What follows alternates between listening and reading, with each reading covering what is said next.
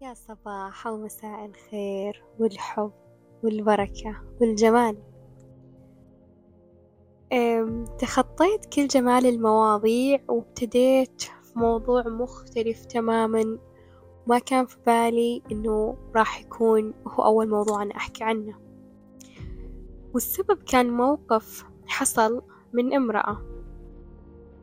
تناقشت معها نقاش طويل جدا. وآخر النقاش أو لما وصلنا كذا لزاوية حرجة في النقاش ردت بكل ضعف وقالت بدون لا تنسين أنا أنا امرأة ضعيفة وما تقدر تسوي أي شيء ولا أستطيع.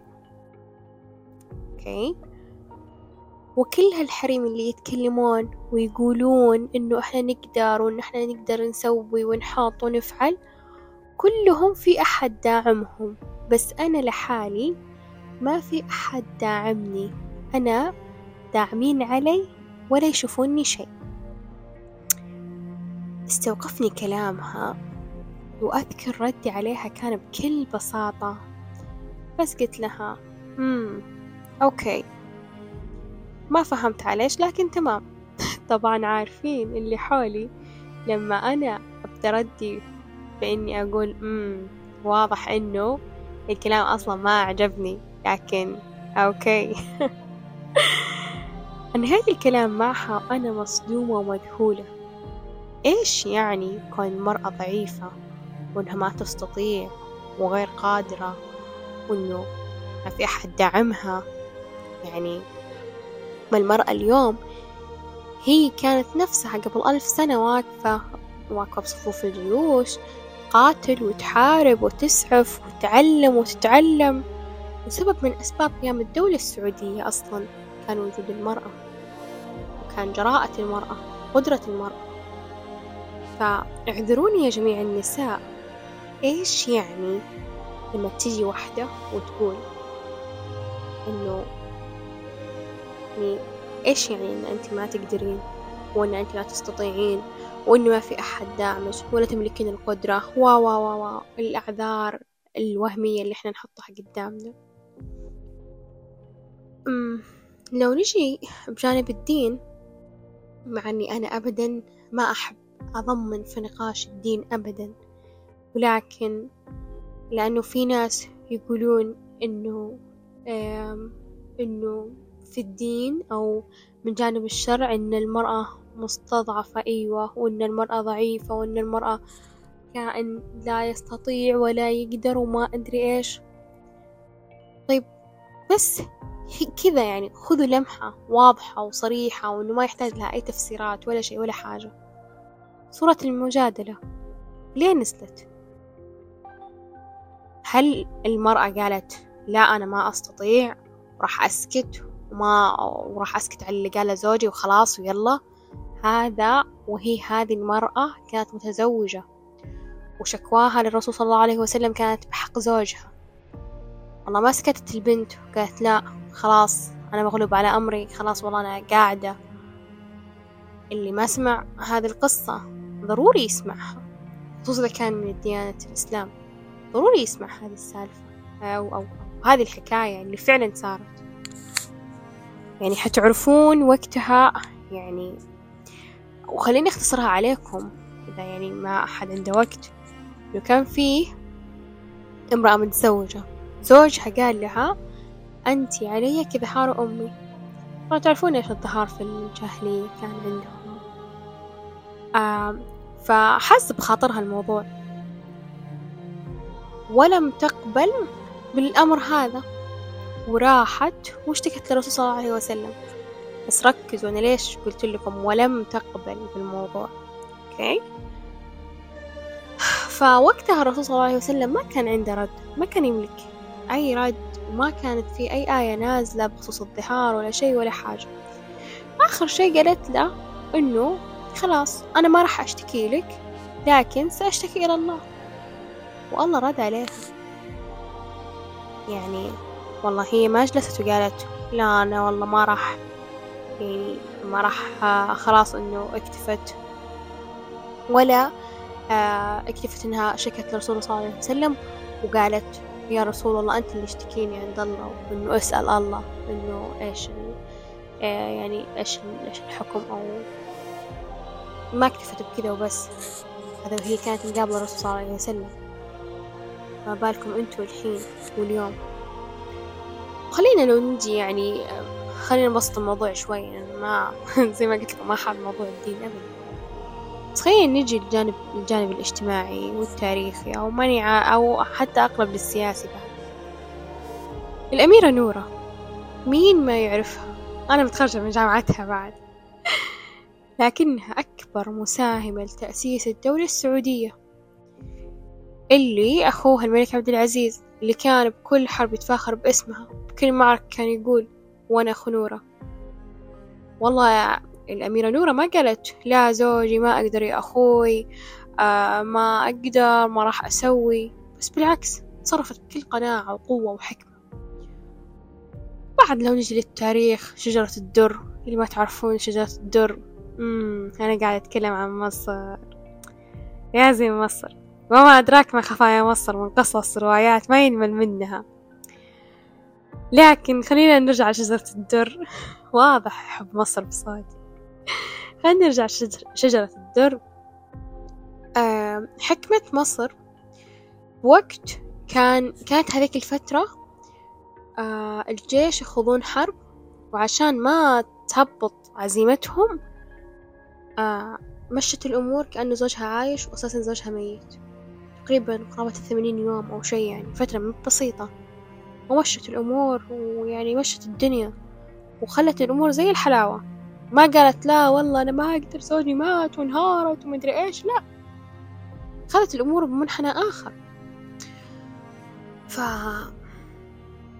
إن أنت لا تستطيعين باختصار أشوف إنها يعني إن إن إن أنتي ما حاولتي وكمان يطلع وجه آخر إن أنتي تخافين.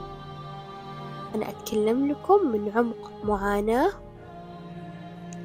أنا كنت فيها وما زلت ولكن بعد تحديات وفشل كبير جوانب وأمور كثيرة أيقنت أننا إحنا فقط من يحجم ويحد مننا فقط فقط فقط. ولا أحد ممكن يقدر عليك أبدا ودائما وأبدا اعرفوا إن أنت تقدر. أو يعني ما راح أقول أنت تقدر لأنه أنا قاعد الحين أتكلم للمرأة فأنتي تقدرين. ومين كذب عليش وقالش إن أنت ما تقدرين؟ يعني مين كذب عليكم واستضعفكم و... وقال يعني مين استضعفكم وانتو أقوياء؟ تعلموا من نساء التاريخ. ولا لا نروح بعيد. تعلموا من أمهاتنا وجداتنا وقعدوا معاهم اسمعوا حكاياتهم الجميلة. عشان لا أطول بالكلام برجع للشيء المهم اللي كنت ناوي أتكلم عنه اللي هو إيش يعني قيمة المرأة؟ وإيش يعني كونها ناجحة؟ أنا ليش آه، ربطت موضوع القيمة والنجاح لأنه قاعد يتردد. يعني مؤخرا الفترة الأخيرة قاعد يتردد بشكل مرة كبير خصوصا في شهر أكتوبر. فعشان كذا يعني هذا الموضوع مرة استوقفني. وبأسلوب بدور اللي أنصح أي رجال قاعد يسمع يوقف أو يصرف هذا الجزء يعني. عشان لا لا ينصدم من بالوجه الآخر من النقاش. بس يلا يا بنات نكمل نسمع. بقول لكم بأسلوبي. تمام؟ إيش يعني إنك تخلين اللي حولك يحطون لك قيمة؟ ليه أنت ما تحطين لك قيمة؟ وليه تسمحين لهم وتقبلين بالتأطير ليش أنتي ليه؟ يعني خلونا ناخذ الموضوع حبة حبة. كثير ناس يقولون فلانة برافو امرأة ناجحة سافرت وعندها business واشتغلت على نفسها بس يا حرام نجاحها ناقص لأن ما عندها أسرة. ودايم تقول إن النجاح إن أنت تأسسين الحياة وال business والأسرة بعدين. تمام؟ لكن من زاوية ثانية في واحدة ثانية. جالسة في بيتها عندها أسرة وأطفال ومدارس وجامعات وما شاء الله عليها. آه، جمعيات دوريات مع أهل زوجها وأهلها وكل هالأمور هذه. ولكن مو قادرة تفتح وتدير مشروع خاص فيها. ودايم تقول إنه النجاح هو الأسرة والتربية وإننا نربي جيل وإنه ال business للي ما عندهم أسرة وهم مساكين أصلا يعني ينبسطون ويطقطقون بتحقيق نجاحهم عن طريق مشاريع وهالأمور هذه. okay؟ طيب. النظرة الأولى شيء والنظرة الثانية شيء. يعني الحين أنا ماني فاهمة مين اللي ناجح فيكم؟ طيب على كذا. إذا هذه قاعدة تشوف نفسها ناجحة وتشوف غيرها لا مو ناجح والثانية تشوف نفسها ناجحة وإن غيرها مو ناجح. فكيف؟ فيا حبيبتي. ويا عيني انت. شوفي حولك وشوفي الناس. أغلب الناس يشوفون المرأة الناجحة هي اللي تتزوج وخلفتها أولاد. ركزوا إني قلت خلفتها أولاد. وما تطلب الطلاق من زوجها اللي خاينها ومقصر معها بحقوقها وواجباتها. والكل يجي ويقول لها والله هذه حرمة ما شاء الله عليها تنوزن بالذهب. طيب يا أهل الذهب أنتو لحظة لو سمحتوا طيب مشاعرها وين راحت؟ صار عليها؟ هذا اللي أنا أعني فيه تأطير. إن نحط إطار خاص للأنثى مجتمعيا. ولو طلعت عنه تعتبر مسكينة لأنها ما حصلت على الإطار هذا اللي هم حاطينه ومصممينه لها وتحاول إنها تعوض النقص من نجاحات اللي هم يشوفون إنها ما لها داعي. أي حاجة داخل خارج الإطار اللي هم حاطينه يعتبرونه تعويض للنقص اللي هو حاصل له. ف فهذه النظرية أو يعني هذا المختصر أو هذا التأطير كلنا نتفق عليه وأنا أولكم. إحنا نعيش بهذا التحجيم وبهذا التأطير. لكن أتمنى أتمنى الحين الرجال رجعوا يسمعونا علشان يسمعون هذه النقطة. تذكر إطارك اللي تحطه لزوجتك اليوم؟ راح يجي واحد غريب من الشارع ويحطه لبنتك أو أختك أو عمتك وخالتك وهكذا. أوكي؟ ونرجع للسيدات. يلا. راسي براسكم يا, يا البنات والسيدات وكلكم. لا عمركم تفكرون إنه ممكن نطلع من هالإطار هذا إذا ما في وحدة؟ شجاعة شجاعة شجاعة كافية. وقفت وقالت ستوب خلاص وقفوا. وخذت الإطار هذا وكسرته. يعني أحيانا الإطار لازم نحطه شوي كذا على الرف. بس أحيانا لازم نكسره. لو ما حصل هذا الموضوع انكسر الإطار في أكثر من مجتمع ما كان نشأت مجتمعات وثقافات مختلفة.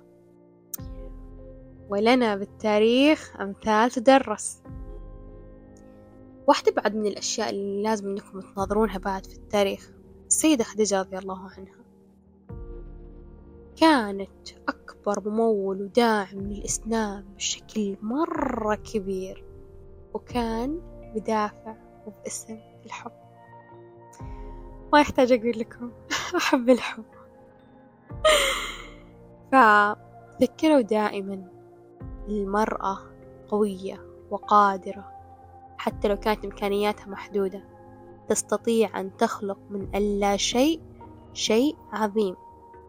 ولديها قدرة جبارة بالتحمل والصبر وخلق الفرص. لذلك لا تستطيع أن تكسر أنثى بحال أي موقف أنت واجهتها فيه. خيانتك أو جرحك لها أو إذا أخذت المصروف من المرة الأولى لا تعتقد أنك أنت كذا كسرتها.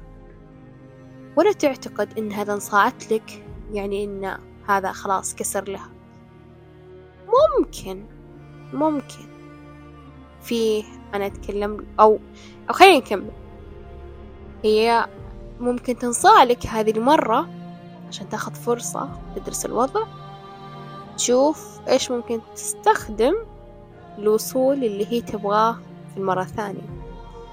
طبعا أنا أتكلم عن المرأة الذكية العاقلة المعتدة بنفسها وساندة لنفسها. ما تنتظر والله أحد يجي يمسك يمسك يدها ويقول لها يلا سوي يلا حطي. يجي يحركها. أنا أتكلم لكم عن المرأة حقه حقيقة قاعدة تصنع نفسها وقاعدة زي ما يقولون قاعدة تحفر الصخر عشان تطلع نفسها. تمام؟ أوه عاد حديثي راح يطول لما أجي أحكي عن المرأة خصوصا يعني لو أجي أخص بالذكر المرأة السعودية خصوصا أنا واحدة منهم ف انتبه توقف بطريقها انتبه. إذا حطت شي ببالها وصملت عليه عادي جدا تتركك على جنب تحطك كذا على الرف. عشان توصل للي هي تبغاه بعدين عاد تفكر بالمشاعر تفكر تفكر إيش اللي صار إيش اللي حصل من لخبطة إيش اللي سوت تخلت عن إيش. ما يهم. خلاص. في شي في بالها توصل له توصل له ودي أحكي لكم بعد عن المرأة الأوروبية. المرأة الأوروبية ترى جبارة. يعني تراهم تراهم كانوا يعايشون أشياء يعني واضطهادات وحقوق مرة كبيرة. يعني وكمان لما أحكي عن المرأة الأوروبية في منهم يعني راح ينقسمون قسمين. في منهم المرأة الأوروبية آه البشرة البيضاء منهم المرأة الأوروبية البشرة السمراء. يعني كل واحدة كانت تحكي معاناة مختلفة وكل واحدة شقت معاناة بشكل مختلف تماما. ما أجي أحكي لكم عن المرأة الأفريقية مثلا. يعني لهم صملات وجولات وأخص بالذكر المصرية. دول أهل مصر يعني حكاية تانية. هذولي تاريخ لحاله يعني اللي يبغى. أنا أحب ال... أحب مصر. بس باختصار. كمان المرأة الآسيوية يعني تراها مناض يعني مناضلة من الدرجة الأولى. يعني لو تجون تشوفون ترى مو بس إحنا يا البنات السعوديات اللي مرة منتهكين ومرة مدري إيش. لا لا لا لا. روحوا شوفوا مجتمعات ثانية روحوا شوفوا كيف في كل مكان وفي كل زمان المرأة ما كانت وما زالت قاعدة تحفر بالصخر عشان تطلع. وتسوي وتحط وتفعل ويكون لها مشاركات وكيان. كل هالأمور هذه. يعني أنا أحس إن أنا ماني مخولة إن أنا قاعدة أتكلم لكم عن عن الأنواع ال... مو أنواع. إنه أحكي لكم عن كل مرأة. ممكن أنا ماني متعمقة كثير في هذا الجانب بس أنا يعني أقول لكم بشكل عام. فيا حبيبتي. ويا قلبي أنتي. كونوا جميلات دائما. وكونكم آه كونكم سمعتوا إلى هنا فأتمنى أن هذا الكلام جدا جدا جدا ساعدكم. وهذا اللي أنا أبغى أوصل له. يعني أبغى أوصل لكم رسالة بس إن أنتوا ترى تقدرون تقدرون تقدرون. ولا تخلون أحد يكذب عليكم ويحجم منكم. ويأطركم ويقول لكم لا ما تقدرون وإن هذه إمكانياتكم وهذه حدودكم. لطالما إن أنتي تبغين هذا الشيء ومؤمنة إيمانا تاما إن أنتي راح تقدرين عليه و... وخلاص استعديتي إن أنتي فعلا تبلغين هذا الهدف صدقيني الله راح يرتب كل شيء لك. حتى لو آه أنتي الهدف هذا اللي تبغينه ما كانت متوفرة الأدوات. له الآن مجرد ما تستعدين الكون كله راح يترتب على الاستعداد اللي أنت استعدتيه عشان كذا حطوا نيتكم استعدوا وانطلقوا ولا عليكم ولا يوقفكم شيء. أتمنى لكم كل الجمال. طبعا. أحب أنبه عليه أو أنوه عليه. يا حبيبتي كونش وصلتي اليوم وعرفتي الطريق دلي الباقي معك. لا تضللينهم وتتجاهلين مساعدتهم. مو حلوة لما نشوف بنات يتنافسون بشكل غير شريف. تنافسوا؟ إيه ما قلنا شيء عن المنافسة. المنافسة أساسا موجودة ولا بد منها. لكن بحب وود واحترام واغبطوا لا تحسدون. وآمنوا بفكرة العلم والتعلم والتعليم ومشاركته. شكرا لكل امرأة أعطتني دفعة للأمام عشان أطور وأكون عشان عشان أتطور آه عشان أتطور وأكون أفضل بحب. وأنا اليوم أشوفهم الله رازقهم ومساعدهم وراسل لهم أشخاص أصلا يساعدونهم بسبب مساعدتهم لغيرهم. ف يعني سبحان الله كل ما أشوف شخص قاعد يساعد شخص بدون أي شروط بدون أي حواجز بدون أي مقابل بدون أي شيء سبحان الله الله يسخر له الله يسخر له عباد الباقين يساعدونه. يعني تلاقيه فجأة من من يعني انزنق بشيء فجأة تفرجت. كيف؟ شلون؟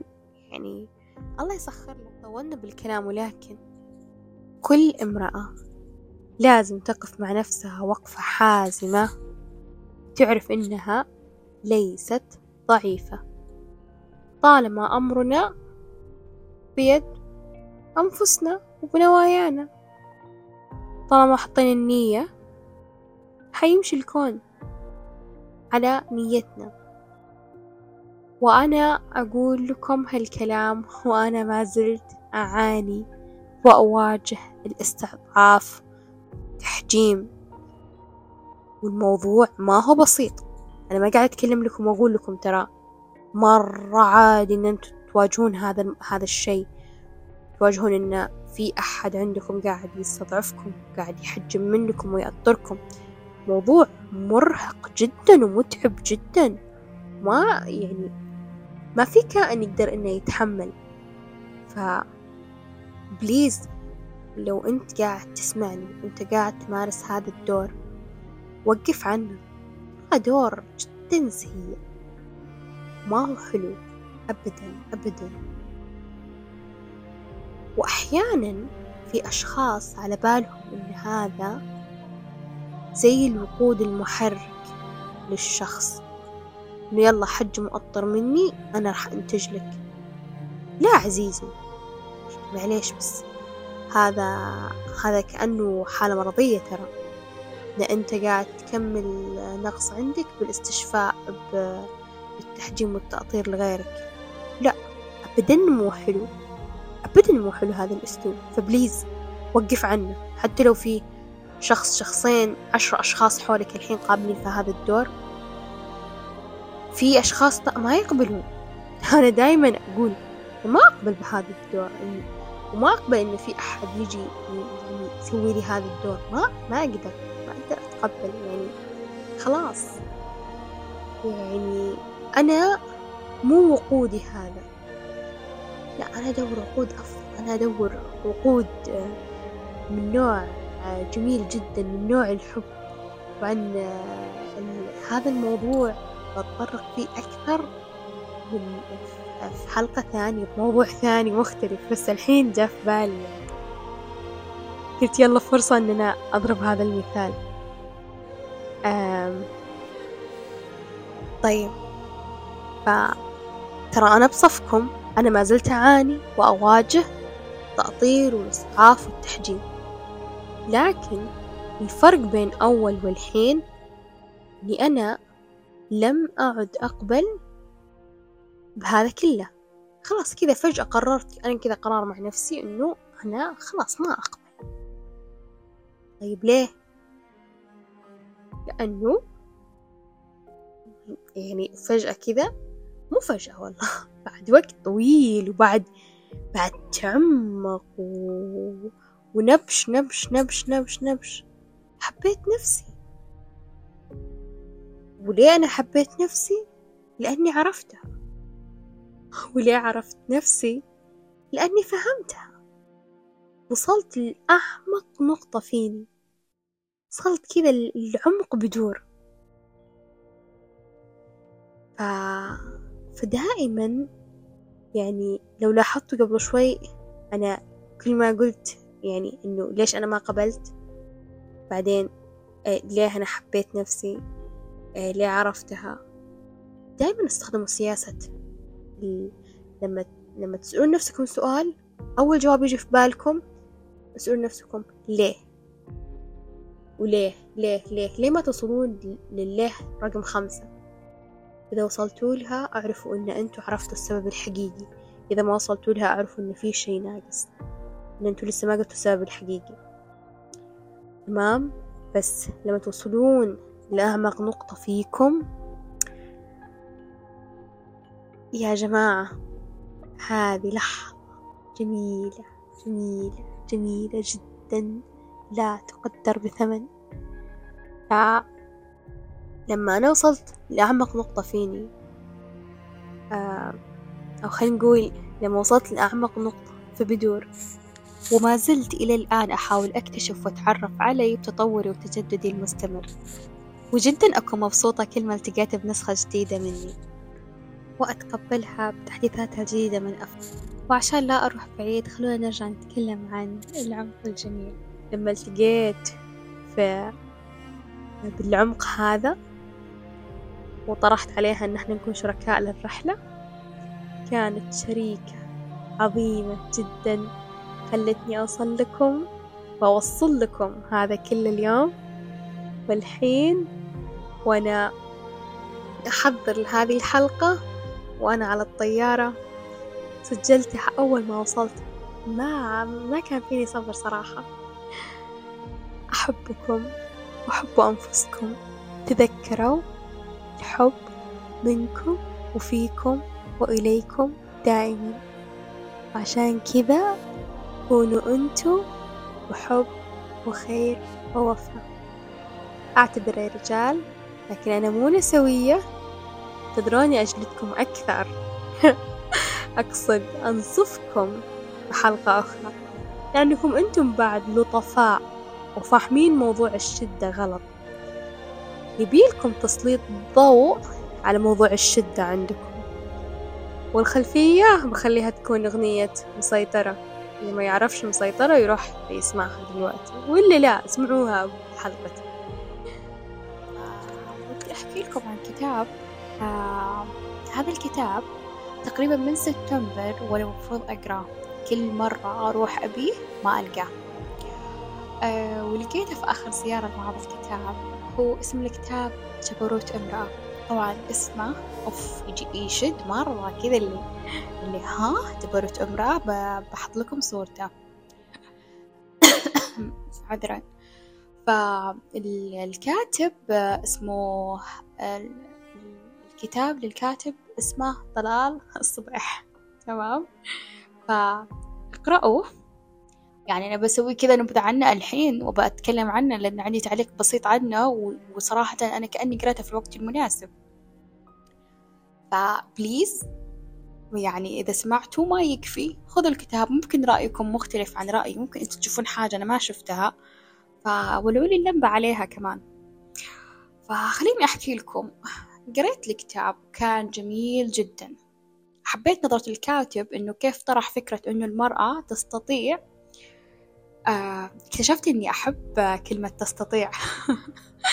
هالمرة خليني أغير شوي وأقول تقدر. فخلني أقول تقدر تكون وتوصل للي تبيه مهما كانت التحديات اللي تواجهها. ولكن في نقاش دار مع الكاتب كان عندي عتب كبير أقصد عتب بسيط. ليه أظهر؟ يعني هو في كتابة أظهر إنه المرأة تستمد الطاقة والقدرة على إنها تنجز توصل لهدفها من آه من خلني أقول من ضعف. لأن في البداية طبعا هو كذا يعني على مراحل حياتها جابها من يوم ما هي أسعنونة ففي البداية كانت يعني يحكي من جانب قسوة والدها. وفي مرحلة أخرى آه بعد ما تركت الشيء اللي هي تبغاه علشان زوجها وطفلها بعدين رجعت بعد انهيار تكمل تكون اللي تبيه. طبعا في المرة الثانية هذه استمدت طاقتها من مرض طفلها. فعتب الكبير كان ليه كانت مصادر طاقتها؟ من ضعف وعجز وقسوة.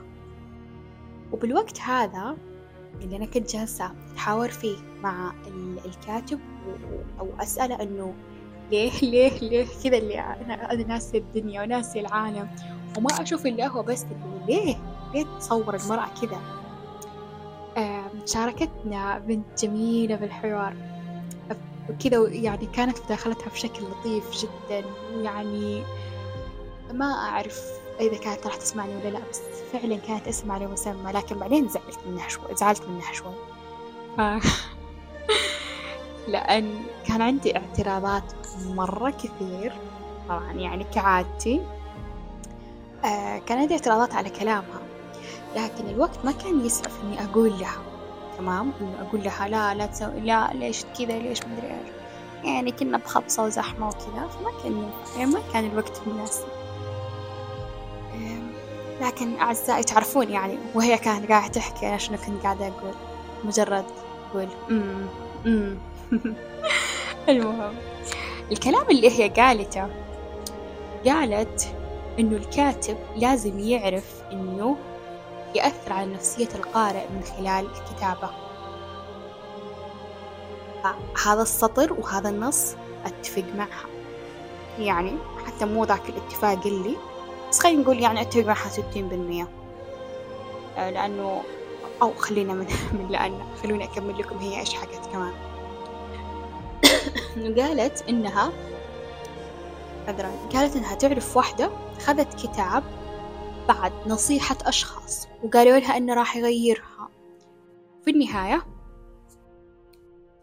في النهاية لما أخذت هذا الكتاب اكتشفت إنه يعني لما قرته اكتشفت إنه زاد حالتها سوء. وأضافت إنها هي مرت بنفس الشيء اللي ظنت إنه كتاب راح يسوي لها نقلة ولكن أثر عليها بالحزن. أو خلينا نقول إنه مشاعر سلبية. لأن الحقيقة ما أذكر إيش بالضبط قالت نوع التأثير اللي تأثرت لكن خلينا نقول إنه أثر عليها بمشاعر سلبية. وكملت كلامها بإنها دايم تبحث عن الأشياء الإيجابية بس بعيد عن الدراما أو حتى الحزن وكل باقي المشاعر الثانية. مم. طبعا يا أعزائي. أيوة بالضبط نفس كذا وأنا قاعدة أتذكر كلامها. لأنه كل شيء على كل حاجة. كنت قاعدة أقول مم. وبدون أي تعليق. أنا تعليق ببساطة راح يكون إنه أنا ما أتفق مع شو بسبب واحد اثنين ثلاثة والقائمة تطول لكن مثل ما قلت لكم الوقت ما كان يسعف. ولكن الوقت هنا مناسب إني أناقشكم بمثل كذا بحيث حتى لو أحد يسمعني وهو يفكر مثلها يستفيد من الكلام اللي الحين راح نقوله. يلا نحط الموضوع على الطاولة ونشوف. آه أو خلينا نقول ممكن آه هي بنفسها تسمع. ما أدري كيف بس ممكن تسمع. آه أتمنى إنها تسمع. ما أعرف ما أعرف. أروح أرجع الزمن ورا وأمسكها أقول لها خذي حسابي ولا ما أدري صراحة.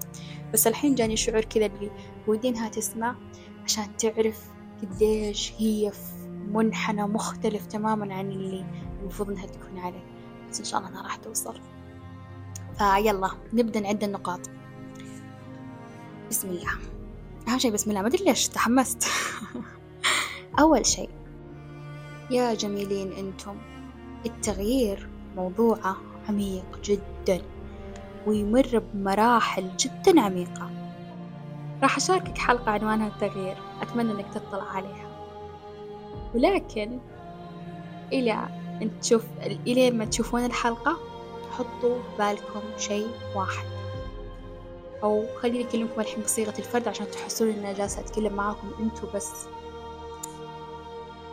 حط بالك إن التغيير يمر بمراحل وراح تجيك اختبارات إذا صدق تغيرت أو لا. يعني كونك تقول إنك تغيرت وصرت أفضل راح يجيك اختبار إنك تقرأ كتاب قصة حزينة أو حتى تسمع خبر حزين راح تتأثر فيه وتعيش الحدث اللي سمعته أو حتى قريته وحتى مر قدامك راح تأثر فيه شخصيا.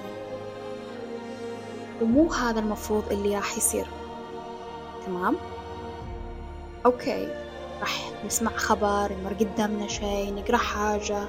تعاطف مع الموضوع إيه. وحتى يعني تعاطف مع اللي تسمعه مع اللي تقرأه. لكن لا تاخذ حياتك الشخصية وينعكس عليك.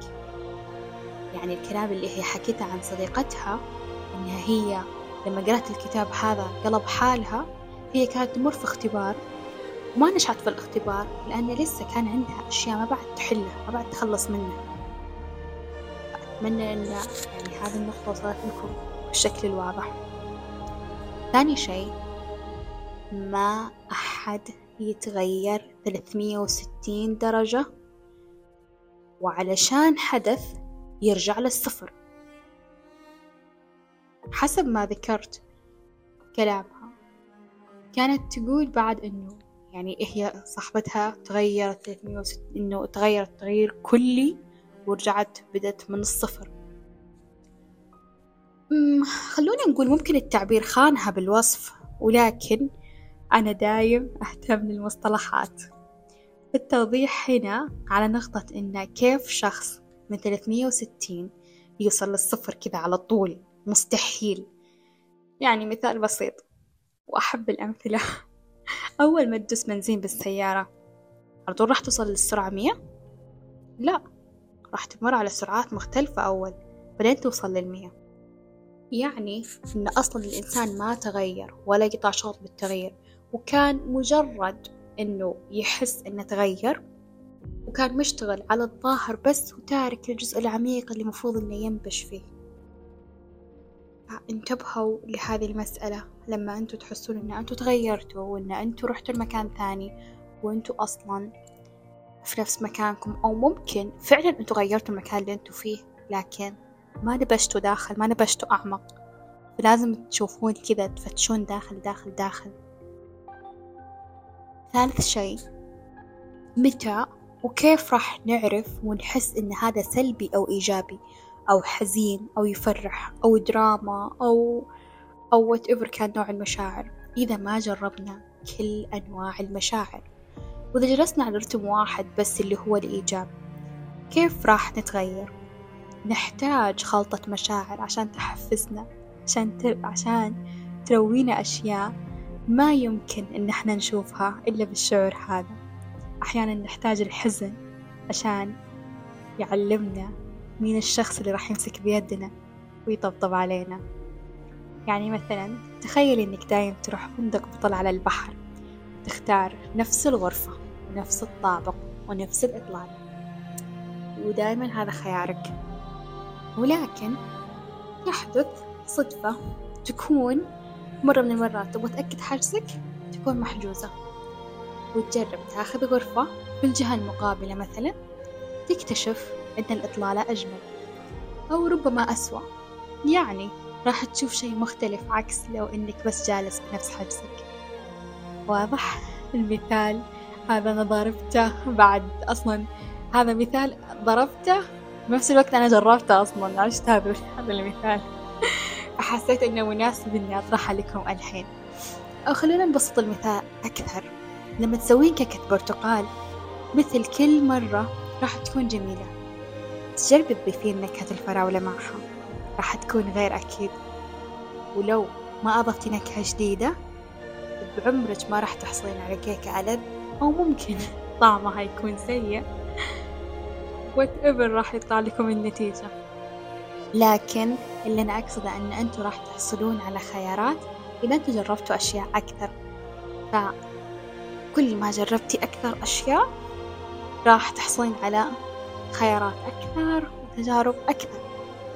يعني لما نجرب مشاعر كثير راح نعرف حاجات أكثر. رابع شيء أعتقد إني قلت لكم كل شيء راح يكون الختام. كونوا دائما وأبدا جميلين. من داخلكم ومن خارجكم أتمنى لكم الحب والجمال والسلام. أحبكم. كونوا بخير.